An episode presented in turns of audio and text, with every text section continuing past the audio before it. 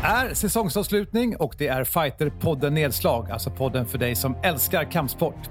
Och i dagens program, det blir boxning med Anthony Joshuas framgångar, karate, vi pratar ProPoint. såklart MMA med UFC som var i helgen och UFC som kommer. Dessutom brottnings-VM och så går vi igenom årets händelser och vår fina brevskörd, eller kanske mejlskörd. Varmt välkommen till Fighterpodden Nedslag. Jag heter Mårten Söderström. Det är säsongsavslutning. Där sitter Simon Kölle. Tjenare! Ja, men tjena, tjena. Ah, att det är avslutning nu, det känns tråkigt. Men det är väl som det ska. Det, det, sen det är ett nytt år så kör vi igen, så det är inte så komplicerat. Det ja, låter bara bra. bra. Det, det, då är jag med. Elin Blad, hej hej! Hej Mårten, hur mår du? Tack, jag mår bra. Hur mår du? Bra. Jag, jag har gått på lite tidig julledighet. Så jag har spenderat i princip hela dagen igår och idag med att baka. Så det är en jävla massa bakande på gång här hemma. Härligt. Mm. Det, kommer, det kommer, tänker jag här. Uh, hörni, alltså det är säsongsavslutning så tillvida att vi då ska försöka summera det här året. Och vi ska också gå igenom sånt som har hänt det senaste. Men vi har ju varit på distans hela året. Bara det tycker jag är en jättekonstig grej. Att vi har gjort den här podden och sitter hemma. Simon, du är hemma hos dig med ett nyfött barn. Och Elin är hemma och bakar bullar. Det är jättekonstigt. det är det nya coronalivet. Ja, eller hur? Sen kan man tro att vi har tomta på loftet, men det är Johan Hallin som är med idag också. Tjena Johan! Tjenare, tjenare! Så ett matigt program. Vi kastar oss rätt in i boxning. Anthony Joshua, han har framgångar. Vad är det som händer Simon? Absolut, jo men han har ju det och det är lite här röriga tungviktsboxningen som pågår just nu. Han knockade Kubrat Pulev i nionde ronden och eh, behåller därmed helt enkelt bältet i eh, tungvikt i IBF, organisationen WBA och WBO. Så då tänker man så här, nu borde han väl få möta eller få, han får väl hela tiden, men han borde våga steppa upp och möta Tyson Fury. Så att det blir, vi får se vem som är verkligen bäst. Ja, alltså den, den senaste matchen, som eh, stormatchen som man kan kalla det som Tyson Fury gick, var ju mot Deontay Wilder. Wilder, eh, fint uttal på namnet där, men och det, det var ju en väldigt bra match där många trodde att att Tyson skulle få det lite jobbigare än vad han faktiskt fick. Så om han får möta Anthony Joshua nu så kan vi ju hoppas på att det skulle bli en riktigt bra match. Men påminn mig om jag har fel Simon, fick inte Anthony Joshua spö av någon liten tjockmexare för ett tag sedan. Också. Han fick spö, inte så liten tjockmexare, men en stor tjockmexare. en stor tjockmexare. en, en kort. Nej, men han fick spö av honom och sen så slog han honom i returen. Och så att, det var så det var, så, ja. Precis. Eh, så att han, han har de där bältena, eh, fair and square, eh, och en förlust då på sitt record. Och eh, Tyson Fury har ju ingen förlust utan han har ju en oavgjord match mot, match mot Deontay Wilder. Så att, ah, nej, men det är väl ungefär det vi har att säga om det. Vi vill ju se de här bästa möta varandra och det är ju mycket det man gillar med till exempel UFC också. När de bästa verkligen får möta varandra. Nu finns det ju en del riktigt bra i One och andra organisationer. Vilket är kul men också tråkigt. Så att, ja, det är som det är. Man vill, jag vill i alla fall se de bästa möta de bästa. Kvalitetsfighter. Vi lämnar boxning, går över till karate. Det handlar om karate då och pro point. Vill du förklara vad det är för någonting Simon? Absolut. Där det kommer ju en, en bunt sådana olika organisationer nu inom karate. Man kan tycka att det är lite sent. De borde kanske kapitaliserat på sin ställning som eh, liksom den premiära kampsportsformen på 80-talet, alltså nu tänker jag medialt och sådär. Det var ju verkligen jättemycket snack om karate då. Och vi ska nog inte ta in dig Johan till att prata jättemycket om det här för då är hela podden slut. För du kan verkligen hålla en föreläsning, du borde typ göra det. Prata om hur, vad som hände på 80-talet. Men i alla fall, och nu ser ni inte Johan men han ligger och ler här åt det här. Eh, Notera också ligger och ler. Hur som helst, eh, ProPoint där har haft sin andra åttamannaturnering. Och det är en inbjudningsturnering med några av de absolut bästa i olika karatestilar då, som möts helt enkelt. Och eh, första vändan så vann eh, Bailey Murphy, som är ett stort namn inom karate. Och, eh, han, och nu var det då en ny person som vann, som jag faktiskt inte har koll på vem det var, men den personen ska då möta Bailey Murphy 30 januari och för, liksom förena titlarna så att säga. Så, de så det låter lite som ett, ett ADCC för karate då, att det är inbjudningsbaserat och att man möts både från olika karatestilar. Och... Precis, exakt så är det. Så det är väl kul. Alltså, det är jätteroligt att det händer grejer, men ja, det, det är inte så mycket som händer just nu, kan man säga. För de som inte vet, då, är det mer som Karate Combat, att det är lite friare eller hur ser det ut ungefär? Ja, men det gör det. Det är ju det, att det är lite mer som Karate Combat helt enkelt. Att, uh, så att, alltså att, så, så, att inte någon stil ska gynnas framför någon annan egentligen, vilket det ändå blir. Det finns alltid de som är negativa till sånt här. Jag skulle precis säga det. Det var därför jag satt tyst länge och tänkte att ja, det blir ändå en stil som gynnas på något sätt. Men jag tycker det är kul ändå för att um, vi har pratat om det i, vid flera tillfällen att karaten har ju fått liksom en revival. Ja, ja, ja herregud. Uh, och, och egentligen tack vare, liksom, tack vare MMA och vissa profiler då som har liksom stuckit ut. Kanske mycket Lyoto Machida och George Saint-Pierre och så vidare. Men man märker att de som har liksom legit mm. karate som har det som bakgrund. För det blir lite annan stance, det är en annan liksom stil och den är ju lite mer spektakulär. Men du glömmer ju, Mårten, det vi pratade om, eh, om Cobra Kai, att det är det som har gett karaten det stora uppsvinget. Det, det får vi inte glömma. Inte glömma. Vi inte det är helt rätt. Det är helt rätt. Ja, helt rätt. Nej, men det är kul och det är väl eh, det är roligt. Vi gillar ju all kampsport här, så att mer kampsport till folket, mer galor och sånt. Så fort vi kan ha det. Vi går från karate vidare till UFC. Det var ju en bra UFC-gala i helgen. Han du se den nu, Erin, eller hur var det? Mm, jag har faktiskt inte sett den heller.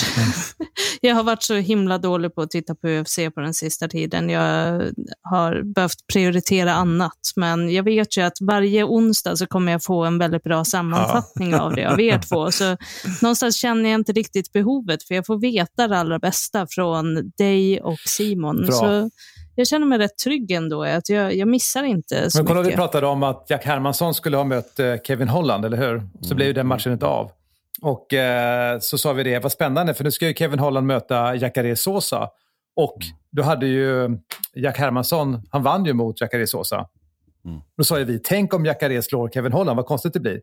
Det gjorde mm. han inte kan jag säga. Kevin Holland knockade Jacare Sosa, så den var slut. Alltså från backen också. Ja. Det är ju bara Nico Price som har gjort det tidigare i UFC egentligen. Eh, och det är alltså, alltså från rygg så liksom knockar han Jacare som ändå är fantastisk eh, ja. spelare. Så att eh, där har jag lust att bjuda in Johan och, och bara höra lite. Det är ju sådär, när du lär ut MMA och så, tänker du på sådana saker då eller är det mer så här, ah, här är det mer för att få någon ur balans och sådär? Nej men absolut. Jacarias stannade ju kvar i en position. Uh, han satt på knäna och uh, Holland var på väg över honom och, och, fick fäste med slagen. Och det, man kan inte sitta på knä helt enkelt. Det är, ett, det är, ett, det är en helt omöjlig position att slåss ifrån. Mm. man kan inte fightas från den positionen. Man kan hålla den när, när någon ligger platt på rygg men men så fort personen är på väg upp med huvudet så att man börjar få jämn nivå med huvudet så att säga, eller botten, bottenfighten lyfter höften, då måste man komma över. Eh, det blir så akut i MMA eftersom vi har så många fler vapen än vad man har i grappling, typ eh, BJ, sportjujutsu och, och, och, submission wrestling. Så att det, det, man måste ta det på allvar och att det här kunde man ju se. Eh, jag tycker man kan se det i flera av de här världsmästarna Det var ju två damer också som var väldigt meriterade BJJ-mästarinnor mm. och man kan se att de fastnar ibland i de här mönstren som är suboptimala för MMA. Mm. Ja, väldigt intressant. Men eh, sen såg vi en annan bra, alltså det var ju som Johan nämner där också, att det, alltså, eh, Mackenzie Dern vann ju den, den fighten då på domslut, den mot en annan, eh, mot Virna, där som också är eh, världsmästare i brasiliansk jiu-jitsu. Och sen Charles Oliveira slog ju Tony Ferguson Eh, också mycket på grund av brottning och brasiliansk jiu även om han aldrig drog ut Tony. Ja, men alltså på riktigt, den här skulle du sett Elin. Det armlåset som eh, Oliveira hade. Jag har sett bilder. Ja, har sett det, det. det, såg extremt obekvämt ut. Ja, jag var ut. helt säker på att han eh, faktiskt knäckte, eh, ja, drog armbågen i led ska man säga snarare. Men han hade väl väldigt, eller har vi då, väldigt flexibla eh, armbågar, Ferguson. Ja, jo men han är ju typ känd för det. Men det är så här, vi måste också nämna huvudmatchen såklart, Davison Figueiredo mot eh, Brandon Moreno som, som blev oavgjord faktiskt. Men, och många anser att det var liksom något av kanske en av, en av årets bästa fighter. Jag vet inte, håller du med mig Mårten? Ja, men alltså Moreno låg ju under direkt. Jag tänkte att alltså, han har inte en chans mot eh, Figueredo, men efter andra ronden, sen tredje ronden, den var typ jämn. Eh, och sen fjärde och femte ronden så kom ju Moreno tillbaka. Han har ju sån där mexikansk fucking vilja som man tänker bara, jag orkar inte. Så till och med Figueredo var sådär, varför funkar det inte? Varför Nej. funkar det inte? Och så slutar det med en draw då. Ja. Men det är en mardrömssituation. Jag menar det, många har ju drömt sådana mardrömmar, kanske åtminstone när man var ung någon gång sådär att man springer i lera eller någonting. Alltså, man kan inte springa bort eller man kan inte göra det. Det spelar ingen roll hur mycket man slår någon. Den bara står kvar. Alltså, det, det är verkligen en mardrömssituation tror jag, när man, när man får fäste. Ja. Men han knockar ju folk, Davison Figueredo, normalt sett. Liksom. Men någon som också knockar folk normalt sett, då, det är ju Junior Dos Santos. Mm. Men han, men han får ju lägga av nu. inte någon längre. Ja, nej men alltså, det är verkligen, Elin sa det innan sändningen, vi, vi pratar alltid om, ska inte den sluta, ska inte den ja, Det är sluta? dags för dagens inslag av gubbe som borde pensionera ja. sig. Ja. ja, och då är det frågan om Tony Ferguson kanske inte behöver pensionera sig har förlorat mot två stycken som är topp tre. Liksom. Det, det är ju lite Jag hårt. tror inte han, han att... kvalificerar som gubbe än heller. Nej, nej, så är det ju såklart.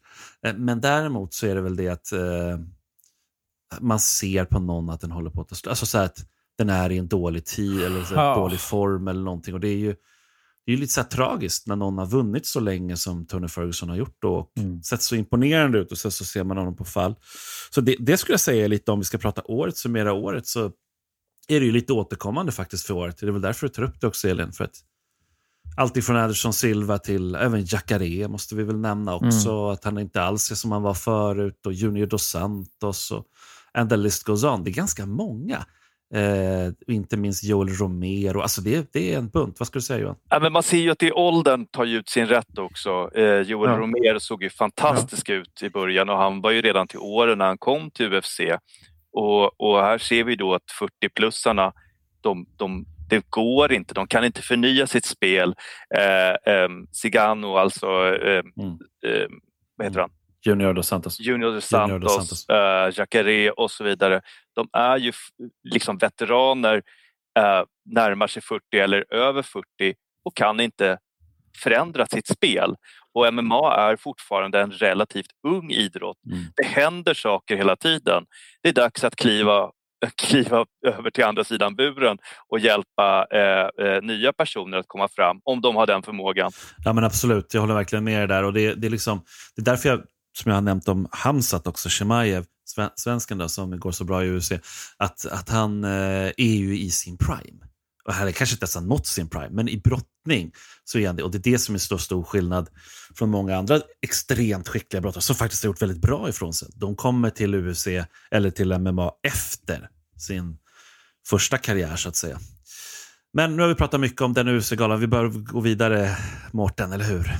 Vi kanske ska säga också med tanke på Hamzat Chimaev att Kevin Holland då också utmanade ja. honom. Efter sin vinst där när han knockade eh, Jacare Sosa så ville han ju då möta Hamzat. Och han har vunnit fem matcher i år, Kevin Holland. Det har bara gjorts av två andra i UFC tidigare. Så att, eh, det är ju väldigt imponerande. Väldigt imponerande. Så du missade en bra gala, Elin? Hör du inte det? Den, den finns ju kvar.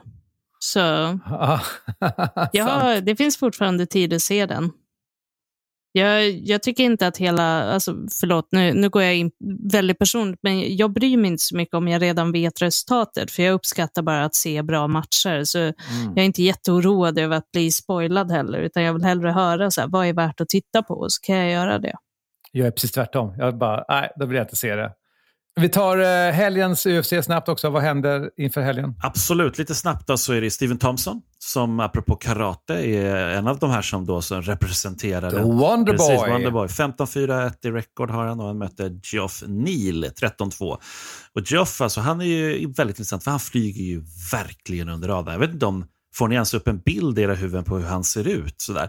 Men han har faktiskt Nej. sju raka segrar i UFC. Eh, Alltså, och det är hans matcher han har gått i UFC. Han är obesegrad i UFC. Och fyra av de segrarna har kommit i första ronden. Jag menar, här hypa, hypas Hamzat till exempel, som har tre matcher då, förvisso på väldigt kort tid, och med all rätt ska han ju hypas. Men här har vi Jeff, Jeff Neal som han har vunnit sju och har slutat fyra i första ronden. Så där kan man snacka om att flyga under radarn. Eh, så det blir en väldigt intressant fight. Och sen har vi José Aldo apropå, som vi får se då, om han är en sån som han har ju tre raka förluster, så att en fjärde förlust där så är det väl bye-bye för honom, tänker jag kanske. Eh, han möter Marlon Vera som kommer från en vinst. Vunnit tio mm. fighter UFC totalt av sina 15 han har gått. Då. Ändå härligt va? MMA och UFC varje Det är härligt tycker jag. Alltså, jag, jag kommer jag tänka på en sak nu.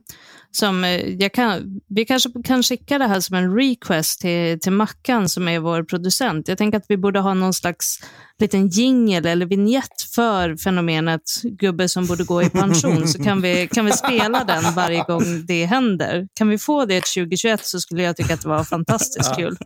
Gör det. Kul! Nej, ja. sluta nu. Kan, ja, varför ska ja, ja, alltid, dess, alltid vi, vi gubbar, jag, får ju komma, jag är ju väl nyligen gubbe här nu. Varför ska vi, varför ska vi alltid dissas? Ja.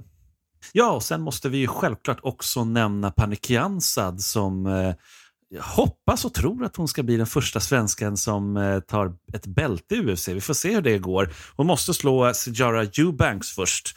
Eh, en tuff eh, militär eh, som numera inte är militär, men det är så roligt i USA när de är militärer. De fortsätter liksom vara det fast de är professionella idrottsstjärnor.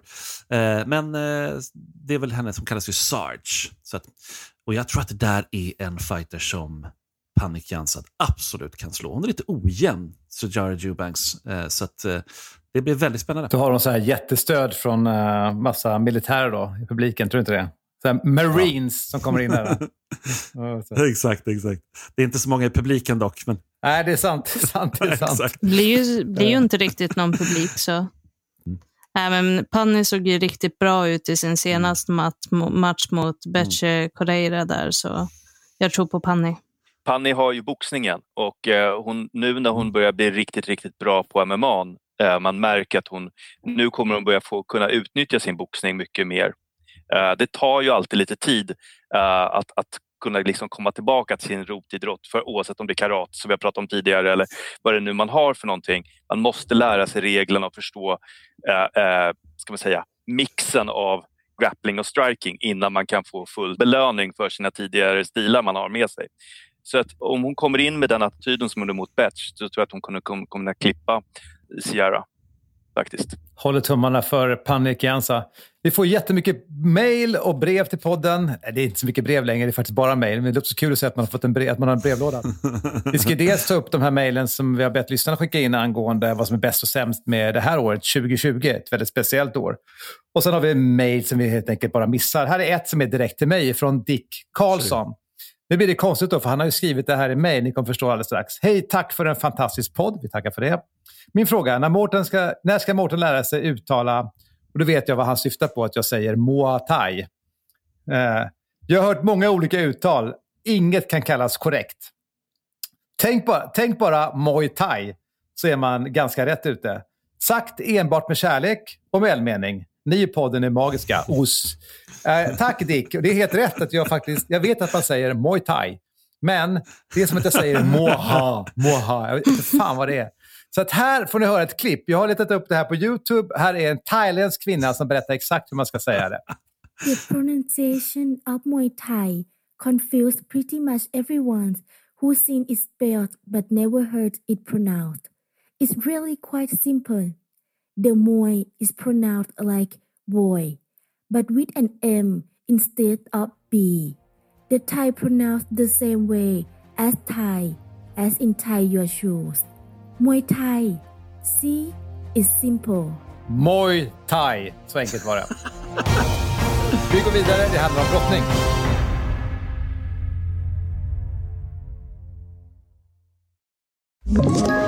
Ett poddtips från Podplay. I fallen jag aldrig glömmer djupdyker Hasse Aro i arbetet bakom några av Sveriges mest uppseendeväckande brottsutredningar går vi in med hemlig telefonavlyssning och, och då upplever vi att vi får en total förändring av hans beteende. Vad är det som händer nu? Vem är det som läcker?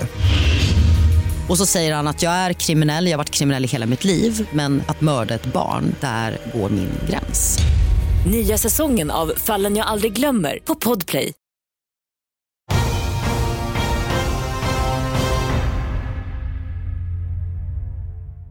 Fighterpodden, vi betar ju av alla kampsporter, så som brottning. Och det är brottnings-VM just nu, Simon. Nej men absolut, det har varit VM i brottning i serbiska Belgrad. Så där kör de ju på med olika kampsportstävlingar för fullt och inte minst brottning då. Och eh, det har varit bland annat, ska jag nämna, ett eh, Aisulu eh, Tynebekova. Kan du säga det på Mårten? Nej, jag skojar bara. Ska inte mobba dig.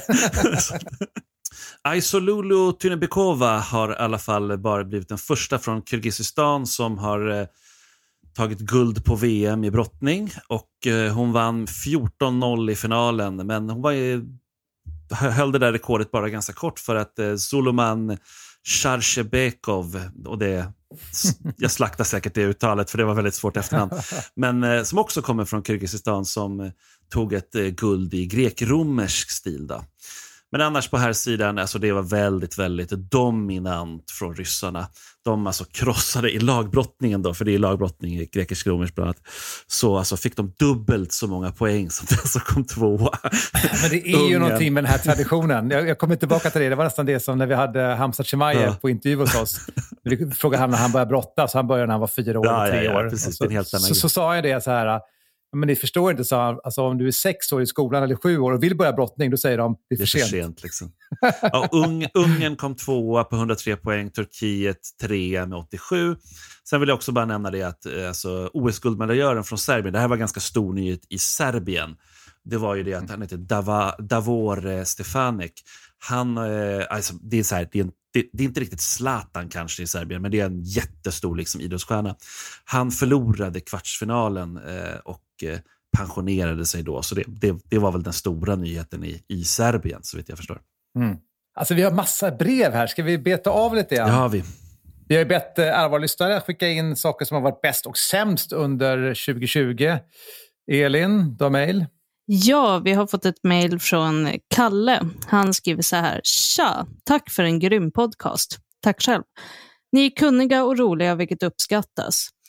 Jag tycker att det bästa 2020 ändå måste ha varit Superior Challenge 21. Jag förstår att det var mycket större galor och det var mer spel på dem, men jag gillar det lokala och har gått på alla Superior Challenge-galor bortsett från en. Adam mm. Westlund tycker jag borde ha vunnit matchen mot Tobias Harila, men den var jättebra och spännande. God jul på er från Kalle. Jag såg ju den här, det fanns ju en, en tråd där, där det diskuterades på, bland på Facebook. Det finns säkert flera ställen där det har pratats om. Och man dömer ju MMA utifrån damage, alltså skada. Det måste ju vara det främsta kriteriet eftersom vi ska ha så lite bedömnings... Eh, det ska vara så lite bedömningssport som möjligt. Eh, och det är ju så att Harla mm. faktiskt slog ner eh, Westlund tre gånger. Så att det, utifrån det så borde det vara mm. en no-brainer. Men det var i samma rond. Så det är väl det som är grejen. Det var i första ronden. Så att, och sen så ja, det var första ronden så var det två nedslagningar och sista ronden var det en nedslagning. Var det en nedslagning. Men den var ju också lite sådär att han nästan... Ah. Så det, det, går att diskutera. Men jag håller, jag håller mm. nog med dig Johan där. Att, att Tobias Sarila har jag nog ändå lust att... Alltså, det, det, men jämnt var det. Det måste man ju ge. Det var en väldigt jämn match och, och Adam Westlund vann ju tydligt andra ronden. Det gjorde han ju. Helt klart en rematch. Ja, eller hur?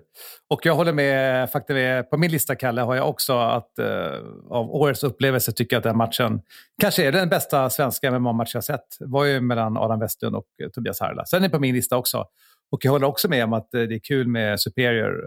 att de, alltså, trots förutsättningarna, det var ju en ganska märklig gala med den jättelokalen liksom, och ingen publik. Det, är, det säger en del om det här året. Alltså, jag tänker på Babak liksom, som arrangerar det här. Det kan ju inte vara lätt alltså. All eloge till honom som, som orkar ta det igenom ett sånt här år också. Uh, det är ju tufft att driva MMA-galor i Sverige vanligtvis. Uh, jäkligt grymt att, att det blev av i år. Uh, verkligen. Innan vi tar eh, nästa brev. Jag har på min lista också i år, kan vi inte bara prata om den, det var ju Jakin Buckley. Den där bakåtsparken. Ja. Vet du vad jag menar då? Det... När han, hans ena ben blev fångat och han helt enkelt hoppar runt och knockar sin motståndare med den här bakåtsparken. Det var såklart en superturträff, men det var det väl. Elin? Alltså det, det var ju det var en sån sak som om jag hade sett det, jag vet inte om jag sa det här förra podden, men om jag hade sett det i typ en actionfilm så hade jag sagt det där är så orealistiskt, det skulle aldrig kunna hända. Och, alltså, jag är fortfarande lite bara i förundran och chock över det.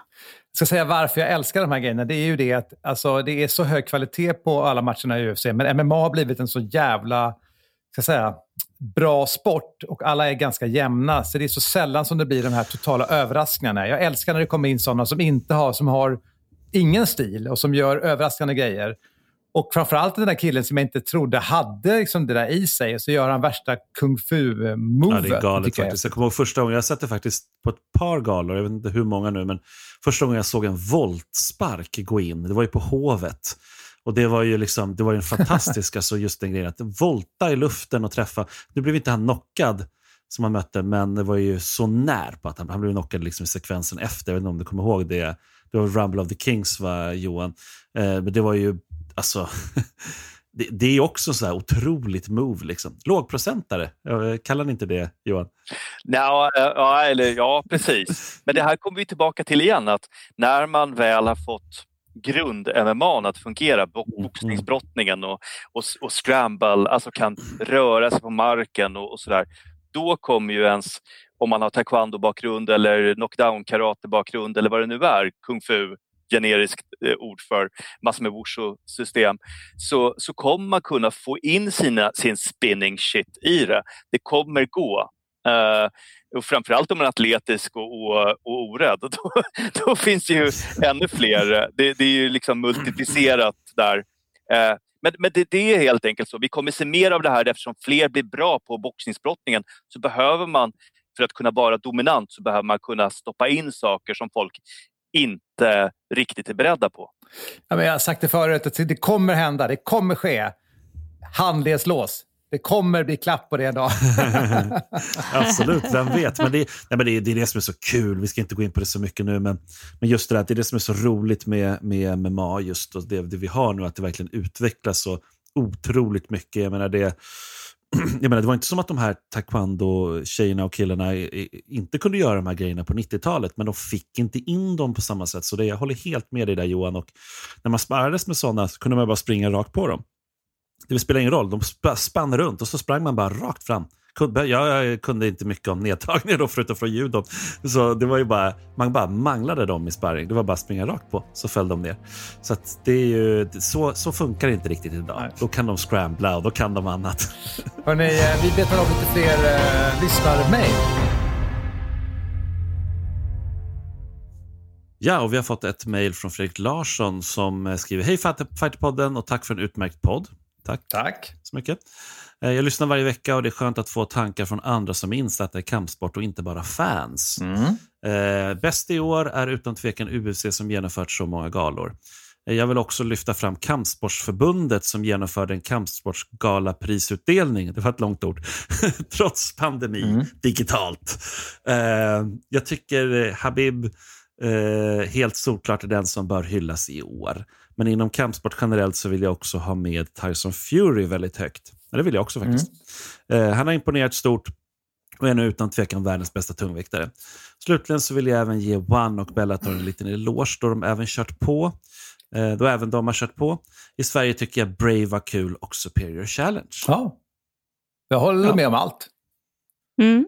Det var väl ganska vettiga tankar, eller vad säger du? Absolut. Och det, det, här, det är kul att han nämner att vi fortfarande kunde genomföra den här prisutdelningen för Kampsportsgalan. Även om vi var tvungna att ställa in hela galan så hade vi fortfarande en, en videosänd utdelning eh, av priserna där. Så det, vi, vi får se lite, vi, vi är lite i planeringsstadiet för hur det ska se ut nästa år. För det, det är väldigt svårt mm. just nu att säga att att vi, vi kommer kunna ha någonting. Och det, det, det är också så här stämningsmässigt. Är det, är det verkligen det bästa att så här, samlas och festa och fira? Och, okay, vi kommer förmodligen inte kunna samlas, men vi, vi kanske snarare ska försöka lyfta de, eh, alla, alla de klubbar som har haft det svårt att se, så här, kan vi stötta dem på något sätt snarare än att bara fokusera på enskilda utövare. Men allt det där är, det kommer klarna längre fram. Mm. Är du ny i podden ska jag säga också att Elin äh, sitter också i styrelsen för eh, Bud och kampsportsförbundet. Exakt. Fler mejl kommer från Henke Andersson som skriver bland annat då att uh, eh, UFCs galor utan publik och i mindre bur Det har ju inneburit lite grann i matchen, för matcherna och för publiken, så det blir lite annan... Det, det påverkar ju Johan, eller hur? Absolut, det gör det ju. Uh, en märklig effekt är ju att, att uh, Bisping, Bisping med flera coachar fighters. De sitter och gapar och skriker och jag tror inte riktigt att de alltid förstår hur mycket det hörs. Um, och, eh, nej, det var, jag tyckte det var jätteintressant. Jag, jag gillar ju hela grejen att kunna höra vad coacher säger, om de har något bättre att säga såklart. Eh, och sådär. Jag tycker det är en... Eh, jag gillar ju verkligen att sitta ringside eh, och då spelar det mindre roll om man sitter vid en, vid en mindre ga, eller på en mindre, en mindre gala, ett mindre event. Eh, jag tycker det är en cool grej. Eh, och nu har alla fått uppleva mm. det det här året på ett helt annat sätt. Så är det Jag ska säga att Henke skickar också topp 10 också UFC i år, så vi håller med. Ettan, eller ska jag gå bakifrån kanske? Tian, Olivera. Nian, Camaro. Åttan, Glover. Sjuan, Jan Blauwicz. Sexan, Stipe. Femman, Holland. Fyran, Hamsat. Fyra kommer Hamsat där. Eh, trean är Figueiredo. Tvåan, Israel Adesanya. Och ettan då, Habib. Ja. Mm. Tycker det var en bra lista. Tack Fighterpodden för en Tycker fin podcast ifrån Henke. Tack. Innan vi tar fler lyssnarmail, vi ska prata om en stor stämning. Och då är det ju inte julstämning vi pratar om. Nej, men eh, det handlar ju om Sufa, alltså organisationen som äger UFC, som har blivit stämda, Simon. Som ägde UFC, ska vi säga. De sålde ju UFC. Korrekt. Att, Korrekt. Och, och, och, under den tiden då så började... Alltså, så, så, med handen på hjärtat.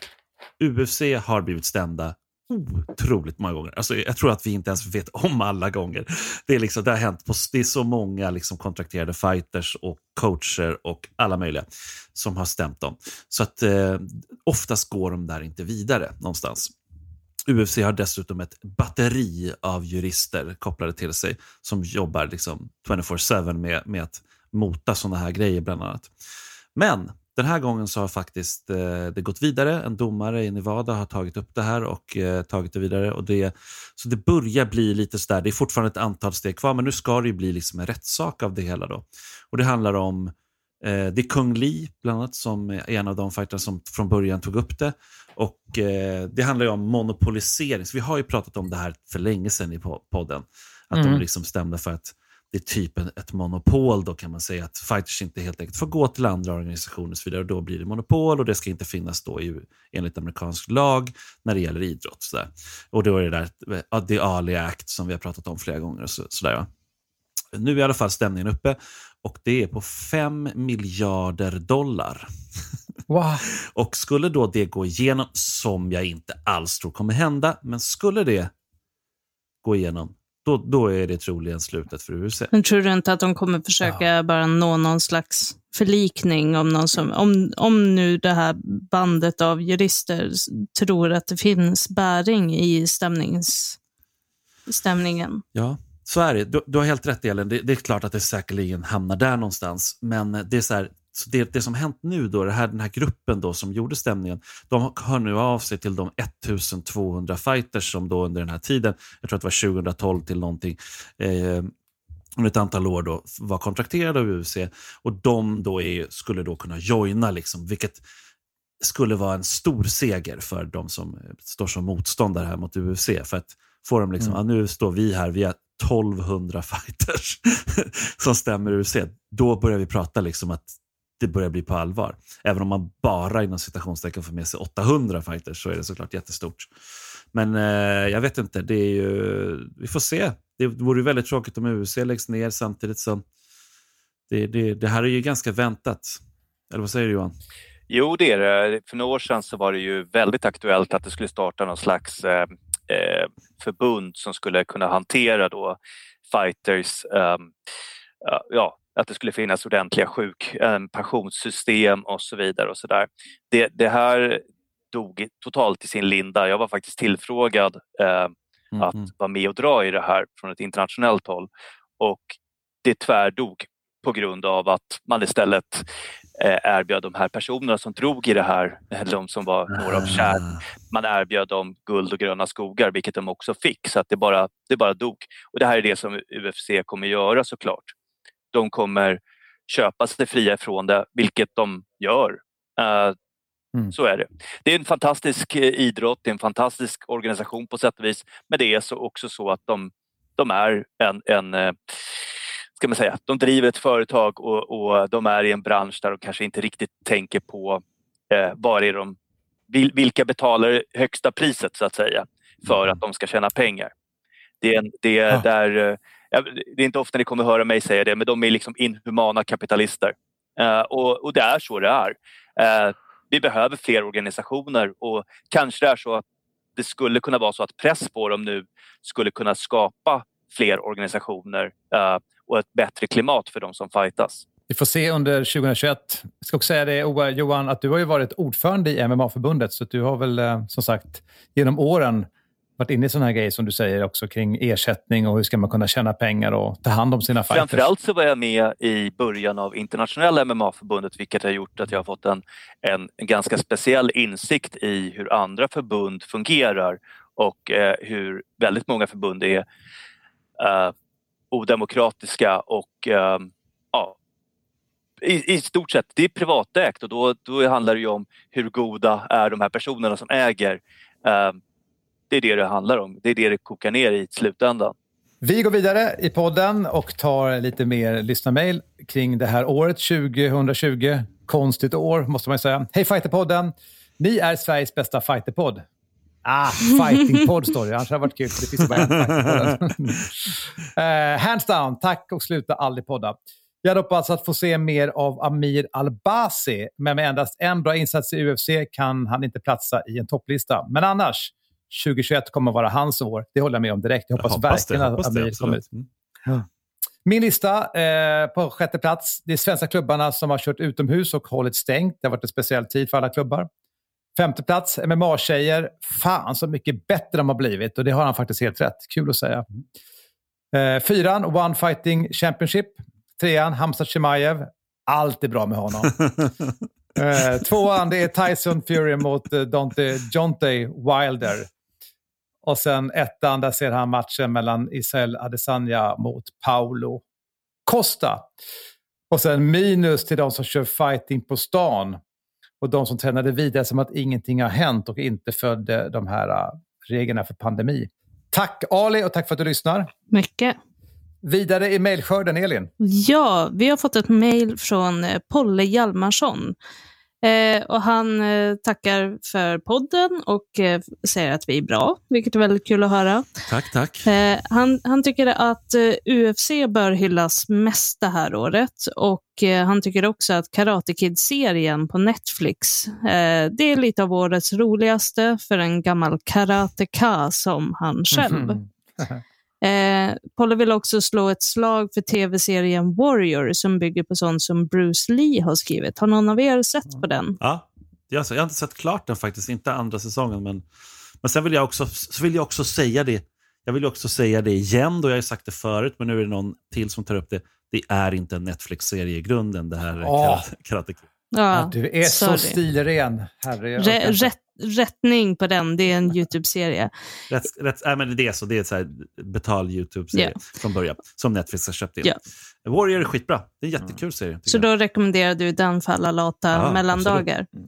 Eh, I alla fall, eh, Polle skriver också att eh, han vill ge Hamsat en shout-out och eh, så skriver han också att han tycker det är kul att vi tar upp olika saker som man inte kan läsa om på Kimura, MMA Nytt, Fighter Mag eller någon annan sajt i Sverige. Och mm. det, alltså jag måste säga att det är väldigt stor del är tack vare dig Simon som vi kan lyfta så mycket nischade och så ja. olika och bara jäkligt kul nyheter som inte bara är mellanmjölken som går att få överallt. Vi har ju också en vinkel i den här podden att vi typ har redaktionsmöten i podden. Men en grej vi har pratat om, vi har ju faktiskt öppet diskuterat det. Kan man ha en, en podd som är så pass bred, så, alltså kampsport, för det är ju faktiskt så att det går liksom från ja, jag vet inte vilken stil, ninjutsu och så vidare till liksom hård MMA eller aikido eller något annat. Liksom. Och det är klart att vi försöker röra alla de här stilarna för att vi tror att det finns en gemensam nämnare i att du är intresserad av ja. kampsport. Och eh, är man intresserad så kan det vara kul att lära sig lite grann. Jag har ju lärt mig själv mycket om till exempel boxning tack vare att vi har pratat om det i podden och, och så vidare. Så att, eh, det känns som att det är en liten utmaning, men därför blir jag jätteglad när jag hör att eh, lyssnarna uppskattar att vi har en så pass bred podd som vi har. Jag håller verkligen med och jag tycker att det är kul att om man kanske är intresserad bara av MMA eller någonting sånt där så kanske man ändå kan få upp så här, oh, det där skulle vara lite roligt att kolla på. Oj, det finns en annan organisation än UFC och så vidare. Och så vidare. Det är roligt. Sen så måste jag säga eh, tack Polle för att jag blir lite så här sporrad. Nu, nu, jag skriver ju så lite numera på Fight Mag, men jag kanske borde göra det mer. Jag blir så här, fan jag borde gå in och skriva. Om det är så att det är ingen annan som skriver om de här grejerna så kan man ju få vara unik i någonting i alla fall. Men vi har faktiskt ett mejl till som eh, jag vill ta upp och det är Undin, eller det är väl hans efternamn, eller det är hans efternamn, som eh, tycker att Hamsat, det är många som tycker om Hamsat i år, väldigt, det är kanske inte mm. så konstigt, eh, är bäst. Och att vi ska också hylla Dana White. Mm. Eh, han kanske får mycket skit av oss, jag vet inte, eller av många, eh, men han bör lyftas fram tycker jag i alla fall Undin. Och även att Kevin Holland ska lyftas fram. Och att Alexander Gustafssons comeback eh, gick ju inte så bra, skriver han, men att att, att han inte har avslutat karriären. Att det, det är ju mm, roligt. Mm, att han är tillbaka? Ja, nej men det, att han är tillbaka. Nej, men alltså, det är ju så att vad vi än sitter här och säger så är det ju det att den som är riktigt jag menar, mainstream i Sverige inom kampsport, det är ju Alexander Gustafsson. Det är ju liksom fakta. Det är ju, Badou Jack kanske borde vara det och så vidare, men det är Alexander Gustafsson som är vår nummer ett. Eller vad säger du Johan? Absolut. Alltså, jag skulle säga att mormor och morfar 70 år vet vem eh, Alexander Gustafsson är. Han har ju fått så mycket mediatid och sådär. Eh, och eh, det hans namn och varumärke har gjort för, för svensk MMA eller till och med europeisk MMA, det går inte att värdera i pengar. Nej. Nej. Ja, det är häftigt. Och jag skulle säga så här, faktiskt för att koppla ihop det med, med att han har, vad han gjort för kampsporten i stort eh, indirekt i och med att fler personer börjar titta på boxning eller börjar träna boxning eller börjar bli intresserade. Då är man djupintresserad av MMA då kommer man vara intresserad av andra kampsporter också. Mm. mm. Eh, så är det. För att för kunna förstå teknikerna så behöver man titta på fristil och jujutsu och, och, och, och så vidare. En pytteliten grej innan vi avslutar tänker jag att jag vill bara säga och det är att SBOK, alltså Svenska Bud och kampsportsförbundet, har en kampsportsbössa på i Musikhjälpen. In där tycker jag. Eh, jag, jag, kan inte länken i huvudet, men den finns på budo.se om inte annat. In där och kolla och skänk en slant om ni har pengar över. Och sen så är det också att nu nämnde ju din eh, Dana White och så här, visst han får mycket skit och allting sådär, men man ska inte glömma det att det här har ju både gynnat UFC till väldigt stort. Det här har varit ett ganska bra ja. år för dem på många sätt. Men det har också kostat mycket. Det här har ju varit, det har varit en chansning det här, att gå in och göra det här. 26 000 covid-tester är inte gratis. Liksom. det, är så här, det, det, är det som UFC ja. har gjort. Och Fight Island. det är många, och många Fight miljoner. Island, där kom den. Ja. Och Fight Island, ja precis. Eh, Men det är också att man har kunnat trummat vidare. Men, men fan, nu är det snart jul. Nu, fan, du, Elin måste få baka och jag, menar, jag måste ta hand om min lilla Hilma här. Och, Johan måste få dricka säga, öl. ja, jag, jag, måste hålla procenten. Man måste hålla procenten. Ska jag bara säga det? Sen är det så att jag tänker... Eh, eh Förlåt Johan, jag skojar. Karvaib Nurmagomedov har ju faktiskt lagt handskarna på hyllan, men han lär ju komma tillbaka handskarna nästa år. På hyllan. Tror du inte det? 2021. Det finns mycket att se fram emot 2021 och framförallt hoppas vi det alla det verkligen.